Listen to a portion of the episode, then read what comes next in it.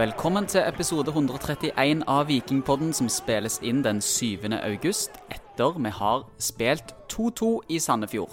Før dagens kamp hadde Molde, Lillestrøm, Bodø-Glimt og Rosenborg, som ligger over oss på tabellen, vunnet tilnærmet alle sine siste kamper. Av de 16 siste kampene disse lagene har vært involvert i, så har de vunnet hele 14. Så det betyr at Viking trengte sårt poeng mot Sandefjord, som vi ikke har vunnet mot, på Release Arena, som det heter, siden 2015. Det ble ikke seier, Alex. Ja, det ble ikke seier, og bare før vi går til kampen, så kan jeg vel si at eh, de 14 av de 16 siste, var det inkludert denne runden?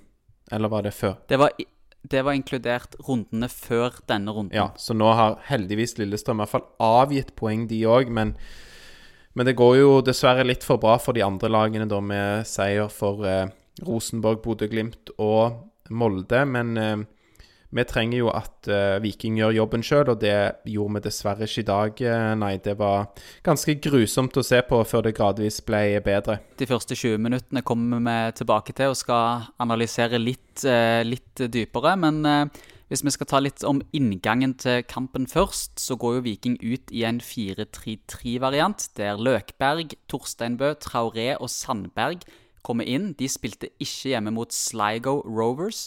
Så en del endringer der, og dette skyldes bl.a. at både Solbakken og Fridjonsson var ute med karantene, og Slatko skulle spares. Og De landlige var heller ikke med fra start i dag. Hva, hva, er årsaken til at han var ute, Alex? Ja, Så vidt jeg vet, så er det for eh, Janni den samme smellen da, som holdt han ute før Sligo-kampen. Eh, Sligo-kampen hjemme, så håper jeg at han er klar til en bortetur til Irland nå om eh, fire dager. Så nevnte du karantenene, og det gjør jo at den de seks foran, da, de tre på midtbanen og de tre i angrep, at det blir en litt sånn ny konstellasjon. Eh, Torstein Bø, kjekt å få han i gang igjen, eh, sammen med Løk og Tangen på eh, midtbanen. Minner jo om en midtbane som vi kunne ha spilt med kanskje i fjor. Eh, og så er det jo da i det framerste leddet så er det Sandberg, Traoré og Kabran, så det er liksom mye nytt der. og ja, jeg er fornøyd med at vi stiller i 4-3-3. Det syns jeg er veldig positivt. Vi har snakka mye om det i podkasten her, at vi har aldri vært eh, spesielt gode i 3-5-2 mot eh, antatt dårligere motstand. Det funker bra mot Sparta Praha og andre gode lag. Så jeg tror både meg og deg er enig i det, Torjer. Er det ikke det med at det er fint å se en 4-3-3? Jo, jeg var veldig glad når jeg så eh, at Viking annonserte på Twitter i dag at de skulle gå til 4-3-3. og tilsynelatende så virka jo det lovende, men vanskelig å sitte og forsvare det akkurat nå, da, hvis du tenker på hvordan starten på kampen var. Ja, jeg, jeg kan i hvert fall forsvare det, ikke at det er min, min jobb, men jeg, jeg, er takknemlig for det. Og så er det jo klart at det er mer eh, spennende, og man vet ikke helt hva man får med de eh, tre på topp, og de tre, spesielt de tre på midtbanen, kanskje, og en Torstein Bø som har vært lenge ute. Og dessverre, da, som du hinter litt til, så var vi jo ikke på jobb fra start i denne kampen mot eh, Sandefjord. Det var, var veldig dårlig. Det var ræva i begynnelsen. Helt ekstremt. Og jeg fikk jo déjà vu fra tidligere år. Som jeg nevnte i introen til denne episoden, så har vi altså ikke vunnet i Sandefjord siden 2015. Så Sandefjord er et lag Viking har problemer med, og det er ikke mer enn en måned siden at vi tapte eh, for de på hjemmebane. En drøy måned siden, kanskje, men det var i hvert fall i sommer. Så, så, Sandefjord er et lag Viking sliter med, og det ser vi òg innledningsvis. Allerede i det andre minutt så skjer det noe. En kraftig duell mellom Løk og Franklin. Jeg syns det var en god indikator på hva som var i vente. Viking var litt i ubalanse. Eh, Løkberg får ikke med seg at Franklin er på vei oppover i banen, og eh, det oppstår en slags kollisjon der som ikke ser, ser helt bra ut. Hva, hva, tenker du om den situasjonen? Er det stygt av Løkberg, eller er det Daddy's Boy som er altfor het i øyeblikket og rett og slett får dette til å skje sjøl? Ja, jeg tenker at uh, det absolutt ikke er Løkberg sin feil at han blir skada, i alle fall. Og, og Løk bare står uh, der han sto, sånn som jeg har sett det. Og prøver ikke å ta han ut av kampen, i alle fall med vilje. Og jeg tror du er litt inne på det. Han er kanskje litt heit, Daddy's boy. Han er vel òg ganske ung og tenker mye på hvor han sjøl vil. på banen, og hvor ballen er, og ikke så, mye, ikke så godt orientert, kanskje. Så da blir det sånn at han springer inn og, i Løkberg, som nok ser at Daddy's Boy kommer, men ikke gjør noe annet enn å, å vri på kroppen litt. Så det er helt uforskyldt av eh, Løkberg. Det blir vel ikke frispark engang, tror jeg, i den situasjonen. Så det, det er veldig synd, selvfølgelig, for eh, Daddy's Boys som blir eh, skada. Så du deler ikke Hans Erik Ødegårds synspunkt på det? Han sa jo etter kampen at det var stygt av Løkberg at det skulle vært gult kort. Nei, det kan jeg ikke si at jeg gjør. Jeg har ikke finstudert den uh, situasjonen, men den kom jo i reprise når han Daddy's Boy ble bytta ut. Og det Jeg tror hvis òg Hans Erik Ødegaard får sett det i reprise noen ganger, så tror jeg han òg skjønner at uh, det er greit med play on. Og jeg syns egentlig at uh, han hadde ei fin linje i dag. dommeren han selvfølgelig ikke ufeilbarlig, han heller, og litt sånn gule kort i noen situasjoner, og som man da tenker skal gi gule kort i andre situasjoner òg. Men alt i alt så er det bra, bra dømt, syns jeg, og han lar eh, mye av spillet gå, da. Så det tenker jeg er bra. Mm. Det er ikke dommeren vi skal ha fokus på i dag, og det er jo litt nytt når det er meg og deg som har podkast her, Alex. ja, kanskje det. Vi prøver jo å fokusere på det som skjer på banen av alle mulige prestasjoner. Og av og til så kan vi jo snakke litt om dommeren òg, som i likhet med spillere på begge lag kan ha gode og dårlige dager og ja. Så da gir vi honnør til Marius Lien før vi går videre i podkasten? Absolutt. Og så skal vi videre i podkasten, og vi skal videre til noe som skjedde i det åttende minutt. Og hvis jeg sier Mohammed Ofkir, hva sier du da, Alex? Eh, da sier jeg bud. Bud? Ja, Viking har jo lagt inn bud på han før, men i det åttende minutt så sikter du til at han skårer mål. Det gjør jeg. Og skal jeg ta oss gjennom det, jeg, eller skal du ta oss gjennom det? Um, nei, jeg eh, husker det, jeg, så jeg kan godt si litt om det. Det er jo um, innlegg fra Sandefjord sin venstre kant. Og Først så tror jeg nesten at Bjørsol med vilje slipper et lavt innlegg forbi seg, men det er det ikke. da Han prøver å blokkere det. Um, Hangla litt, syns jeg, i begynnelsen òg. Sondre Bjørsol før han ble bedre. Og Så kommer innlegget, da blir flikka videre i feltet av en Sandefjord-spiller. Og så tar eh, godeste Ofkir denne ballen med seg tilbake der han kom fra. Og er både god og heldig, for det er faktisk hele fire vikingspillere som prøver å blokkere skuddet til Ofkir. Han tar som sagt ballen med seg tilbake og, og skyter på en måte mellom fire spillere, da, vikingspillere. Så både god og heldig. og kan kanskje si at vikingspillerne burde blokkert på en annen måte, jeg vet ikke. Men det er vel eh, Tangen, Løk, Brekalo og Vevatnet, alle som er på en måte mellom Ofkir og mål, og som prøver å stoppe. Men eh, god og heldig Ofkir, og ingenting Gunnarsson kan gjøre med det, for han ser vel absolutt ingenting. Sånn eh, tolker jeg den situasjonen, iallfall. Ja, jeg tror ikke det er noe særlig vi kan laste Gunnarsson for der, men det var altså Mohammed Ofkirs tredje mål mot Viking på snaue to måneder, tror jeg vi kan si. Eh, hvis vi skal være helt presise.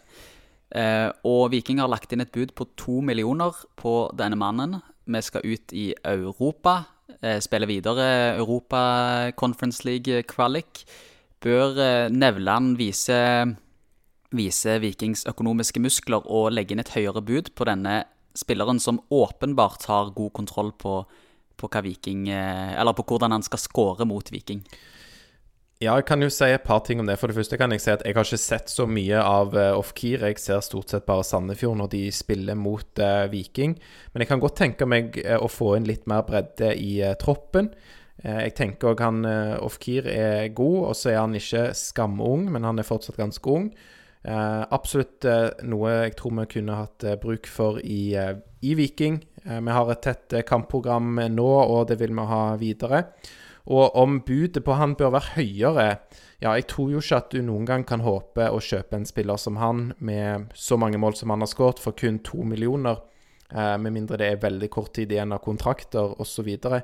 Men det som er for Viking sin del, er at de må selvfølgelig vurdere hans kvaliteter opp imot andre spillere de er interessert i. For klart at Viking skal ikke signere tre angripere nå. Nei. Og mens vi er inne på alder, så er det jo et poeng at han eh, godeste Ofkir er født i 1996, så han er 25 år. Og når vi henta Veton Berisha hjem til Viking i 2020, så var han òg 25 år. Så eh, det går an å hente 25 år gamle spisser, for så å selge de til en god sum i en alder av 27 eller 28. Så det er videresalgspotensialet i Ofkir òg. Det er det. Men, eh, men man får ikke 80 millioner mest sannsynlig da, neste gang man selger han. 80? Ja. Hvis han skulle bli skamgod, Å, ja, Som sånn, Veton ja, det er sant. unnskyld, beklager, som Veton eh, er, så får man eh, litt mindre enn eh, enn det man får for de aller yngste.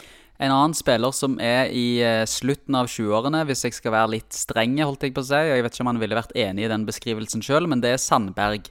Eh, For allerede fem minutter etter Viking slapp inn 1-0-målet, så klarte vi faktisk å skape en stor sjanse sjøl. Det er Patinama som spiller Nilsen Tangen fint igjennom, som slår et fint innlegg til Nilsen Tangen, som står helt alene på bakerste stolpe.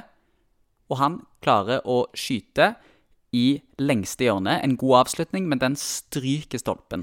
Der skulle det vært 1-1, Alex. Hæ? Ja, det skulle det. Og nå du, Ja, du sa det var Sandberg, altså, som kom med den avslutningen. Det var For det var fra Det var det jeg prøvde å si, i hvert Ja, fall. når, Innlegg fra Nilsen Tangen, Sandberg avslutta. ja, det har du helt rett i. Det 13. minutt var det vel der eh, Og jeg vil jo si at det egentlig er bra gjort av Sandberg, for det er litt vanskelig å få til en god avslutning der. Og han får til en god avslutning, så er det selvfølgelig synd at den går på feil side av eh, stolpen.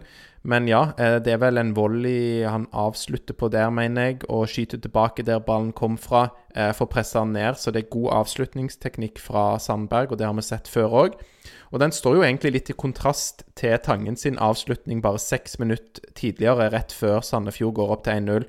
Så har eh, Tangen en lignende mulighet, bare at han har enda bedre tid, og klarer ikke å presse ned ballen på mål, da. Så ja. Mm. Så det er, litt, det er jo litt muligheter, jeg vil si det, i begynnelsen for Viking. Vi er skrekkelig dårlige, det må jeg bare si. Vi har veldig lite ball i laget, og vi ser helt forferdelige ut i det offensive presset, spesielt innledningsvis. Det blir gradvis bedre i første omgang. Men der er Sandefjord på egen halvdel, virker som de alltid er i overtall. Mai Traoré presser og brenner veldig mye krutt eh, unødvendig, fordi resten av laget følger ikke på. Og vi mangler vel òg da en, eh, en dirigent der oppe. Og det er det som er Vi har Løkberg på banen. Han skal jo være god å dirigere, men jeg vet ikke om det bare er for mye nytt eh, for tidlig. Eh, Mai Traoré starter jo ikke alle kamper heller, så om det er litt sånn Jeg vet ikke om det er noe med kommunikasjonen, da, med når du får inn nye spillere. sant? Torstein Bø òg eh, har ikke starta på veldig lenge. Traoré starter ikke alltid. Kevin har spilt mye høyre wingback, og nå spiller han venstre kant. Sandberg òg vært brukt mye som wingback, og nå er han høyrekant. Så det ser ikke ut i begynnelsen. Vi brenner mye krutt unødvendig, og vi lar Sandefjord få ha ballen. Og de der er det, må jeg si også, det er Viking som er dårlige. Det er ikke Sandefjord som er gode, som klarer å spille av eh, Viking sitt press. For vi blir eh, bedre i den delen av spillet etter hvert, og da sliter Sandefjord. Det er sånn generelt en gjenganger i denne kampen at det er jo ikke Sandefjord som er gode, det er jo mer Viking som er, som er dårlige. Og i det 30. minutt så kommer Discovery opp med en, eh, med en sånn grafikk der det står at Viking har hatt 37% ballbesittelse. Og da lar vi Sandefjord ha altfor mye ball. Og det er gjerne litt av grunnen til at eh, Sandefjord i det 20. minutt setter inn 2-0. De har for mye ball. Vi, vi, vi lar de føre for mye opp i banen, gir de altfor mange anledninger til å skåre. 2-0-målet er det jo Kabran som skaper for dem. Han sentrer en pasning til Josef Er det Kaib eller Chaib? Jeg er usikker på hvordan uttales. Ja, det var det de sa på TV. Så sentrer han i lengste Nei, set, setter han i lengste hjørne og, og setter inn 2-0 for Sandefjord. Videre så har du jo i det 25. minutt så er det plutselig Vevatnet som har en stygg eh, feilpasning, der eh, Løkberg riktignok gjør en god gjenvinningsjobb. Eh, og til og med Brekalo i det 31. minutt har jeg notert her, begynner å slå stygge feilpasninger. Så vi lar de ha for mye ball, i tillegg til at det fremstår som om vi vi er ikke påskrudd i dag. Jeg skjønner ikke hva som skjer i brakere rekker der i, i, i starten av kampen. Masse stygge pasningsfeil.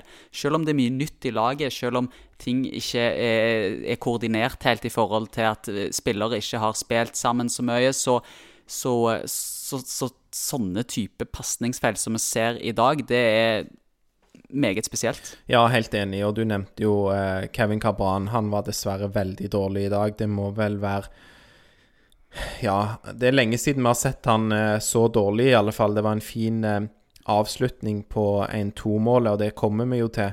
Men utenom det så var det utrolig mye balltap fra Kevin Cabran. Og du nevnte denne fæle pasningen som fører til Sandefjord sitt 2-0-mål. Eh, han var veldig mye ballmist, eh, som jeg eh, sikkert nevnte, og i tillegg òg brente store sjanser fra Kevin Cabran. Så det var ikke, ikke hans kamp i dag. Jeg tror òg at Viking har mer rom på sin høyreside i dag, og det klarer de ikke å utnytte i første omgang, der med Sandberg og Bjørsol spesielt på Viking sin høyreside. Det klarer vi ikke å utnytte. Det gjør òg at det er litt trangere, ser det ut som for meg, på venstresiden, der Cabran ligger, og der det blir hva skal jeg si? Jeg syns ikke det er et dårlig arbeidsforhold, men det er kanskje for dårlige for han, da. Det er klart eh, Viking har de kvalitetene de har i de spillerne de har, og Kabran har veldig mye balltap i dag. Så jeg er enig òg at det er mye rusk i Forsvaret. Eh, Brekalo uvanlig mye rusk eh, fra han. Eh, feilpasninger. Kommer kom seg etter pause, men i første er det mye surr. Ja, jeg er helt enig. Og han sleit òg mer med å føre ballen oppover i banen i dag. Lyktes med det noen ganger og hadde noen fine involveringer der òg, men kanskje litt uvanlig mye rusk eh, fra han òg.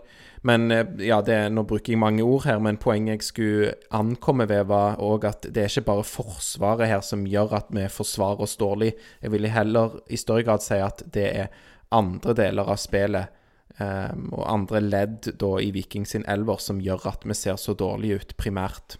Mm. Ja, det er åpenbart nykomponert midtbane. I tillegg har du en spissrekke som er, eh, ikke har altfor mange kamper sammen på topp. Eh, Sandberg og, og Mai Traoré har Ingen av de har det presspillet som Veton var, var, kjent for. Så det, det, er jo et sammensatt bilde, da.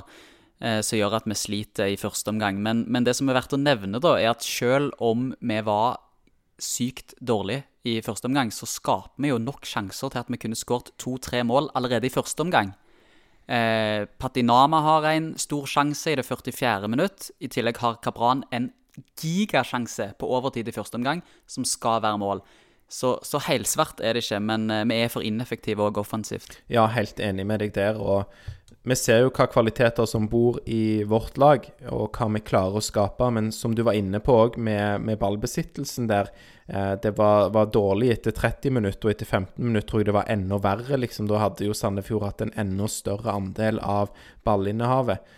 Så det er jo det som gjør at Sandefjord skårer mål. Det er jo ganske enkelt at de har ball, og at vi gjør feil. Og så er eh, vi er udyktige, og vi er uheldige som slipper inn disse målene fra fra Sandefjord. Og, men vi spiller ikke en omgang som er av en sånn karakter at vi kan være sikre på at vi, um, vi slipper inn uh, null, eller i verste fall ett mål. Det er, det er, for lav kvalitet. Og som du er inne på òg, vi brenner jo disse sjansene, disse nøkkelsituasjonene. Klarer vi rett og slett ikke spille tre kamper i uken? Er det det som er problemet, siden vi er så lite påskrudd fra start av i dag? Ja, det er rart, for det ser jo ut som det er mentalitet og, og innstilling. Eh, jeg føler jo òg at Sandefjord-spillerne trykker mer til, så det er kanskje noe av det, da. At vi blir litt sånn avventende. Men ja. Det er vel òg rett og slett bare med å gi tydelige beskjeder om hva vi skal gjøre, og klare å snakke om det sammen på banen. For du sier at Traoré har ikke det presspillet, f.eks., som Veton Berisha var kjent for eh, da han spilte i Viking. Og, og, det er jeg jo enig i. Samtidig så er Traoré du ser at det er veldig stor villighet i presset hans, men når du ikke klarer å få med deg resten av laget, ja, da er det bare brent krutt. Så enten også er det det at resten av laget blir ikke med, som de har blitt enige om, eller så har de blitt enige om at de skal klare å justere det på banen, og så går ikke det. Eller så har de blitt enige om å legge seg litt lavere, og så er det Traoré som er for ivrig. Så det, det er ting å jobbe med der, absolutt. Men eh, hvis vi skal gå litt videre til, til pausen, så eh, så kommer Haugen inn for Tangen, og Trippic kom inn for eh, Patinama. Så det var åpenbart at Morten og Bjarte så at her måtte ting eh, gjøres. Eh, og du som er gode på, på formasjoner og analyserer dette her hvordan vi rett og slett spiller på banen. Jeg syns av, av, og til at det rett og slett kan være litt vanskelig å se, men kommentator òg sa at vi la om til en 3-5-2. Det stemmer det, eller? Ja, jeg satt jo og frykta litt at det ble 3-5-2, jeg. For at jeg er som fortsatt ikke noe glad i det, sjøl etter den svake førsteomgangen i 4-3-3. Så jeg vil jo si meg delvis uenig i det, og det har jo med at uh, Herman Haugen står veldig høyt. Uh, han spiller omtrent uh, kant når han kommer inn, og så er det jo da eh, Shane Patinama som eh, går ut, som du nevnte. Og da er det jo Niklas Sandberg som blir flytta ned på, eh, på bekken. Og det vil jeg jo først si òg, at jeg syns ikke Bjørsol og Sandberg fikk det til å fungere så veldig bra i første omgangen, samarbeidet på sin høyreside. høyre side. Det har litt med at Sandberg er en, um, en innoverkant. Uh, og hans posisjonering mener jeg òg gjør at det er litt sånn unaturlig for Sondre å komme noen ganger. Så bra flytter han ned på venstrebekken.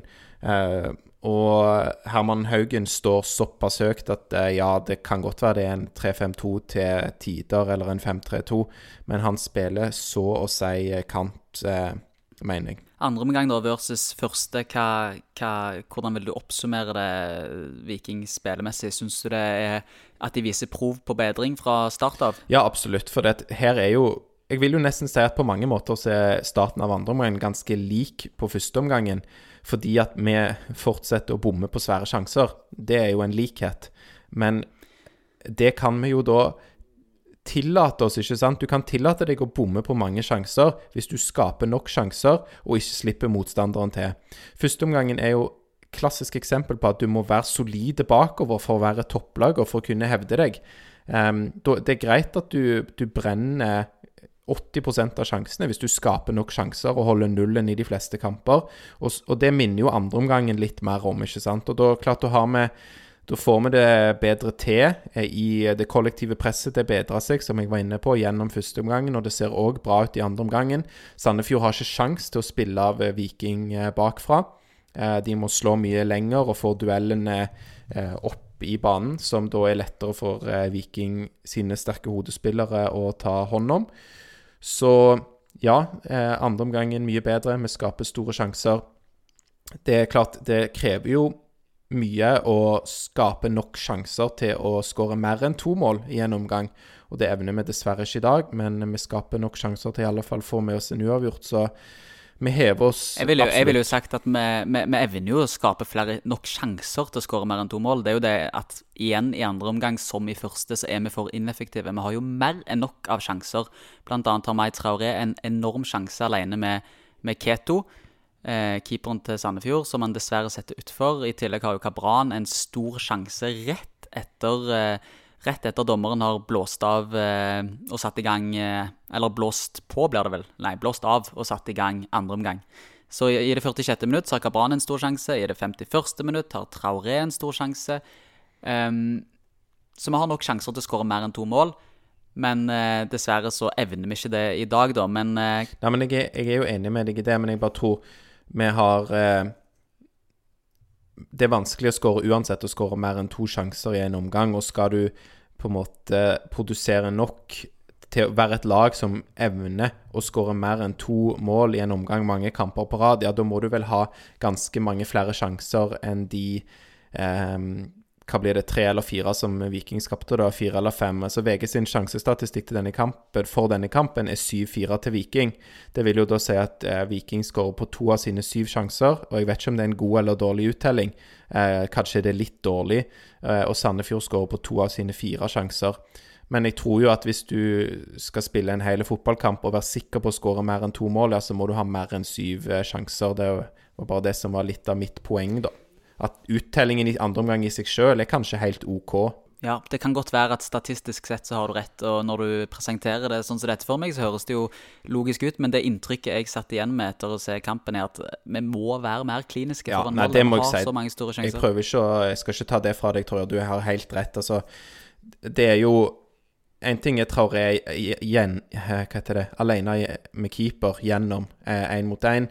Eh, dumt at han bommer, men spesielt disse sjansene til Kevin da, er vel de som vi kommer til å tenke mest på når vi ikke vi vet at vi ikke vant denne kampen. For det har eh, Ja, du, i hvert fall noen av de må raskere på mål, noen av de må treffe mål. Så det er nok en todelt historie der. Jeg skal absolutt gi deg den. At eh, noen av de sjansene må iallfall resultere i mye bedre avslutninger. Og så må du helst klare å produsere enda litt mer når du da har havna bakpå med to. I hvert fall hvis du vil vinne kampen. Ja, enig. Men eh, Kevin Cabran brenner mye, men han skårer pigade i det 61. minutt. Hvem skulle trodd, Alex? Ja, det så eh, ganske mørkt ut, i hvert fall for han personlig. Eh, Viking produserte jo en del, som du var inne på. og jeg ville jo trodd at det skulle komme i alle fall ett mål eh, til slutt, og det kom i det 60, ja, første 62. minutt her. Og det ja, det var kjekt for Kevin da at han skårte det etter å ha hatt en så dårlig fotballkamp fram til det.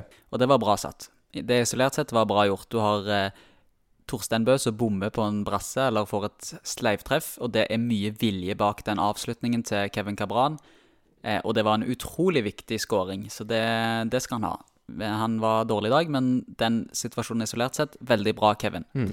Så går det fem minutter, og da tror jeg at Viking har utligna. Men det har de ikke. Da er det Betty eller Morten, du kan høre de gjennom TV-skjermen at de roper til Sandberg 'Utford! Utford!' på sida hans. Eh, og han gjør det, og slår inn et innlegg til Trippic, som får et sleivtreff. Der dukker Mai Traoré opp, og han setter ballen i kassen, han. Men dessverre så var han i offside. Ja, det er når han eh, header ballen i mål på det sleivtreffet, ja. Stemmer. Ja, jeg eh det, det, er litt vanskelig å se av de TV-bildene òg i, i, flere sånne offside-situasjoner. Noen av de eh, Maitare har i første omgang spesielt, er veldig tydelige offside-situasjoner. Og så sitter du og håper på at eh, et par av de som man har i andre omgang, at det kanskje ikke var offside eh, likevel, selv om man forstår at uh, det fall kan ha vært det. Men her får vi ikke noen sånn gode stillbilder uh, på TV-bildene som bekrefter eller avkrefter at det var offside. Nei. Og så var det ingen voldsomme reaksjoner på spillerne, så det kan jo tyde på at det kanskje var riktig, dessverre. Men det gjør i hvert fall at Viking fortsatt ligger under 2-1. Eh, og eh, etter denne seansen her så produserer de fortsatt en del sjanser, og det er Viking, Viking som er det toneangivende laget. Men det er først i det 84. minutt at det virkelig smeller. Der Ofkir er alene med Viking sin keeper, og jeg tenker at nå taper Viking denne kampen 3-1. Men sånn gikk det ikke, Alex. Og hvorfor skårte Sjofkir. Nei, det er jo veldig god involvering av Vilja Vevatnet, som eh, får en tå på ballen, som han så ofte gjør, og da både treffer ballen og setter Ofkir ut av balanse, som gjør at eh, Gunnarsson kan komme og plukke opp eh, ballen. Så veldig bra av Viljar. Og da, og da er produsenten til Discovery så imponert at de viser denne situasjonen i reprise litt for lenge og litt for mange ganger. For plutselig, når vi får se livebilder igjen, så er det godeste Sandberg, som har ballen høyt oppe i eh, inne på Sandefjord sin banehalvdel. Hvordan det foregikk, hvordan den kontringen eh, så ut, det fikk vi ikke se på TV-bildene. Men i hvert fall så slår Sandberg inn et innlegg eh, hardt langs bakken. Og Keto eh, viderefører den, eh, en sånn slags boksing ut, eh, til Herman Haugen. Og Herman Haugen får sitt første mål for Viking. Det smakte godt. Ja, det er kanskje det første målet for han i en tellende kamp, er det det? det... Jeg sa i hvert fall det. Jeg skal gå inn og sjekke det nå, Alex. Så hvis du holder det gående, så skal jeg sjekke det imens. Ja, det kan du gjerne gjøre. Men eh, nei, det er veldig bra satt av eh, Herman Haugen. Der andre i dag var lite kliniske, så var han veldig klinisk i den situasjonen. Og så kan jeg jo bare si meg helt enig i det du sier om den eh, produksjonen. Jeg syns produksjonen av TV-bildene i dag var god eh, veldig lenge. Og så begynner de med dette her greiene at man viser repriser når det foregår spill på banen. Eh, og ikke bare, ikke bare, viser man liksom repriser når det foregår spill, men òg når det er kontringssituasjoner. Og i denne situasjonen her òg så viser de ikke bare én reprise, de skal absolutt vise to repriser av samme ting. Eh, det er jeg tror rett og slett at det er sånn når du sitter og produserer kamper, at det ja, det er kjekkere å faktisk vise repriser enn å bare vise livebilder, for det er enkelt. Men det det kan ikke være sånn at vi skal glede de som sitter og lager kampene, men at de skal få trykke på knapper og spole tilbake og sånn. Det er bare å vise det. Hvis du er usikker, ja, så vis live, og så vis reprise når det byr seg en sjanse. Og det er faktisk sånn at hvis du har veldig lyst til å vise en reprise, så er sikkert eh, TV-seerne glad for å få se den til slutt. Men da kan man jo spare reprisen òg. Det går helt bra. Det gjør man i de største kampene. Gjerne spare en reprise hvis man må det i noen minutt, fordi at det er spill og spennende ting som skjer live. Så nei, veldig bra av Herman Haugen, og dårlig produsert TV-bilder. Da fikk de den. Jeg sjekka mens du hadde denne tiraden din. Som jeg visste det kom en tirade der. Når, når jeg begynte å nevne TV-bilder, så visste jeg at nå er Alex i gang. Åh, Nå kan av du og til putte på så en er jeg et så- lett bytte. Det er irriterende. Ja. Herman Haugen har skåret fire mål denne sesongen. Tre av de for Raufoss og ett for Viking. Så dette var hans første mål for Viking denne sesongen, og hans første mål for Viking i karrieren i en eliteseriekamp, i hvert fall. ja, så bra. Så det var noe å ta med seg. Um, men det kunne jo brått stått 3-2, og da hadde kanskje denne her podkasten hatt en enda mer lystig tone. For eh, i det 86. minutt så er Brekalo så nærme så det går an å avgjøre for Viking. Han header rett og slett i tverrleggeren, han. Trodde du at det skulle bli mål der, Alex?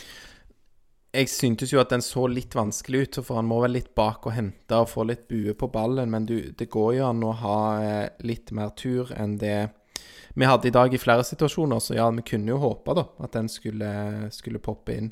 Men det gjør han altså ikke. Og etter det så har ikke jeg notert noe mer. Er det noe mer vi må ta med oss eh, som skjer i avslutningsminuttene, eller skal vi rett og slett bare runde av eh, kampen, eh, altså gjennomgangen av de 90, minutt, 90 minuttene, med å si at eh, vi er litt skuffa? Ja, jeg syns du oppsummerer det greit. Vi er skuffa og eh, blir straffa av eh, en dårlig førsteomgang, og spesielt starten, ja, første 20-30 er veldig dårlig. Og så er andreomgangen ganske god. Hva syns du om keeperen til Sandefjord, forresten? Ja, jeg satt faktisk og tenkte på det når jeg så denne kampen, at eh, hva har Jakob Storevik Hvor dårlig har han spilt som er henvist til benken for Sandefjord? For han, keeperen Keto, han så veldig dårlig ut, eh, og han ga noen returer i dag som vi vel er Kanskje mer enn vi er udyktige, så er vi uheldige som ikke får utnytta disse returene. Eh, han glepper ballen og kunne sprutte i mål, og Men i dag hadde vi ikke marginene heller, da. Nei. Så eh, heldigvis så klarte Viking å hente opp eh, 0-2 til 2-2, som gjør at vi fikk ett poeng med oss. Dessverre er det litt for lite, og Viking er i ferd med å miste grepet om medaljene og miste muligheten til europaspill neste år. Så det er dessverre veldig synd. Noen andre observasjoner fra kampen, Alex?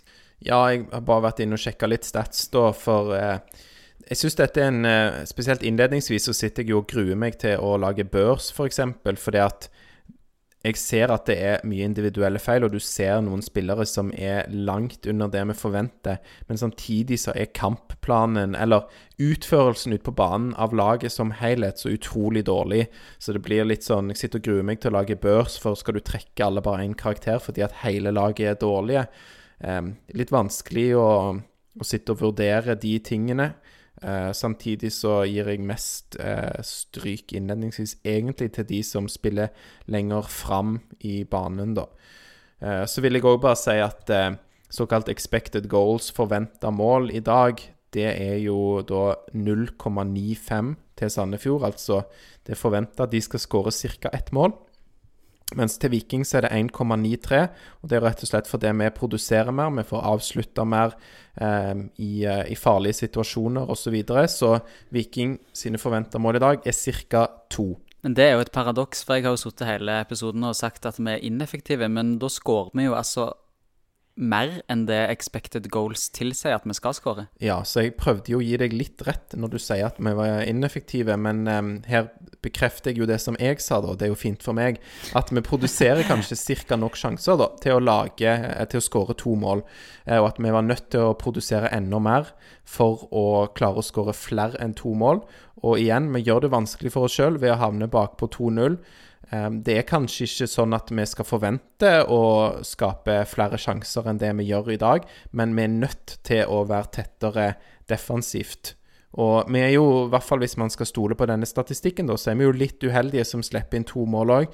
Men det er klart at vi er udyktige. Det er individuelle feil. Um, det er for mye for, for svakt, rett og slett, da. Spesielt i begynnelsen av første omgang, som gjør at vi havner med det utgangspunktet vi får. Og da, eh, da ser det ikke ut som vi fortjener å skåre mer enn to mål heller. Um, men igjen, spill en bedre forsvarskamp og produser like mye, så vinner vi disse kampene framover. Og hvis du nevnte børs i sted, nok en gang Viljar Vevatnet, dagens mann på Viking Podden spørs. Det har vært en gjenganger denne sommeren. Han er åpenbart i god form, i våre øyne i hvert fall. Eh, hvorfor blir han dagens mann i dag? Ja, han var jo tett konkurranse med innbytterne, da, Tripic og Haugen. Men det var litt rusk fra de som eh, kom inn òg, selv om de er jo med og snur eh, kampen.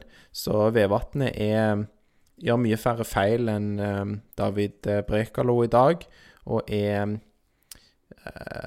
ja, er jo på riktig plass til riktig tid, er tett oppe i sine spillere, gjør det vanskelig å komme forbi brytet.